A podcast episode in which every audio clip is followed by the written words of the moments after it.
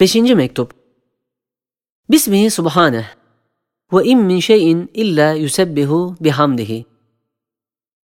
Silsile-i Nakşi'nin kahramanı ve bir güneşi olan İmam-ı Rabbani radıyallahu anh mektubatında demiş ki, Hakaik-ı imaniyeden bir meselenin inkişafını binler ezvak ve mevacid ve keramata tercih ederim.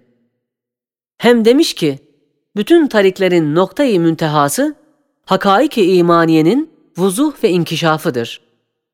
Hem demiş ki, velayet üç kısımdır. Biri velayeti sura ki meşhur velayettir. Biri velayeti vusta, biri velayeti kübradır. Velayeti kübra ise veraset-i nübüvvet yoluyla tasavvuf berzahına girmeden doğrudan doğruya hakikate yol açmaktır. Hem demiş ki, Tarik-i Nakşi'de iki kanatla sülûk edilir. Yani hakaik-i imaniyeye sağlam bir surette itikad etmek ve feraiz-i diniyeyi imtisal etmekle olur.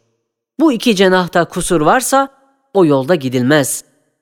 Öyleyse Tarik-ı Nakşi'nin üç perdesi var. Birisi ve en birincisi ve en büyüğü doğrudan doğruya hakaik-ı imaniyeye hizmettir ki İmam-ı Rabbani de radıyallahu anh ahir zamanında ona sülûk etmiştir. İkincisi, feraiz-i diniyeye ve sünnet-i seniyeye tarikat perdesi altında hizmettir. Üçüncüsü, tasavvuf yoluyla emraz-ı kalbiyenin izalesine çalışmak, kalp ayağıyla sülûk etmektir.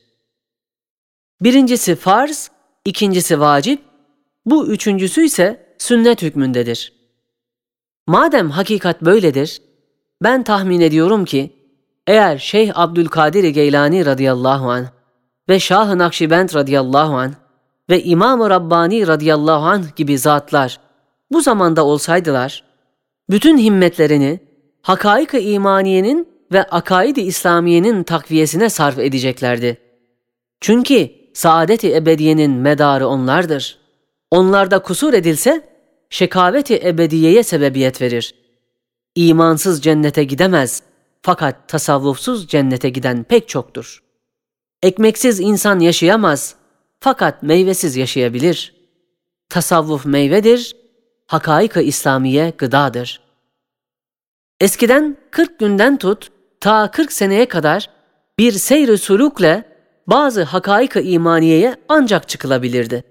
Şimdi ise Cenab-ı Hakk'ın rahmetiyle 40 dakikada o hakaika çıkılacak bir yol bulunsa o yola karşı lakayt kalmak elbette kârı akıl değil. İşte 33 adet sözler böyle Kur'ani bir yolu açtığını dikkatle okuyanlar hükmediyorlar.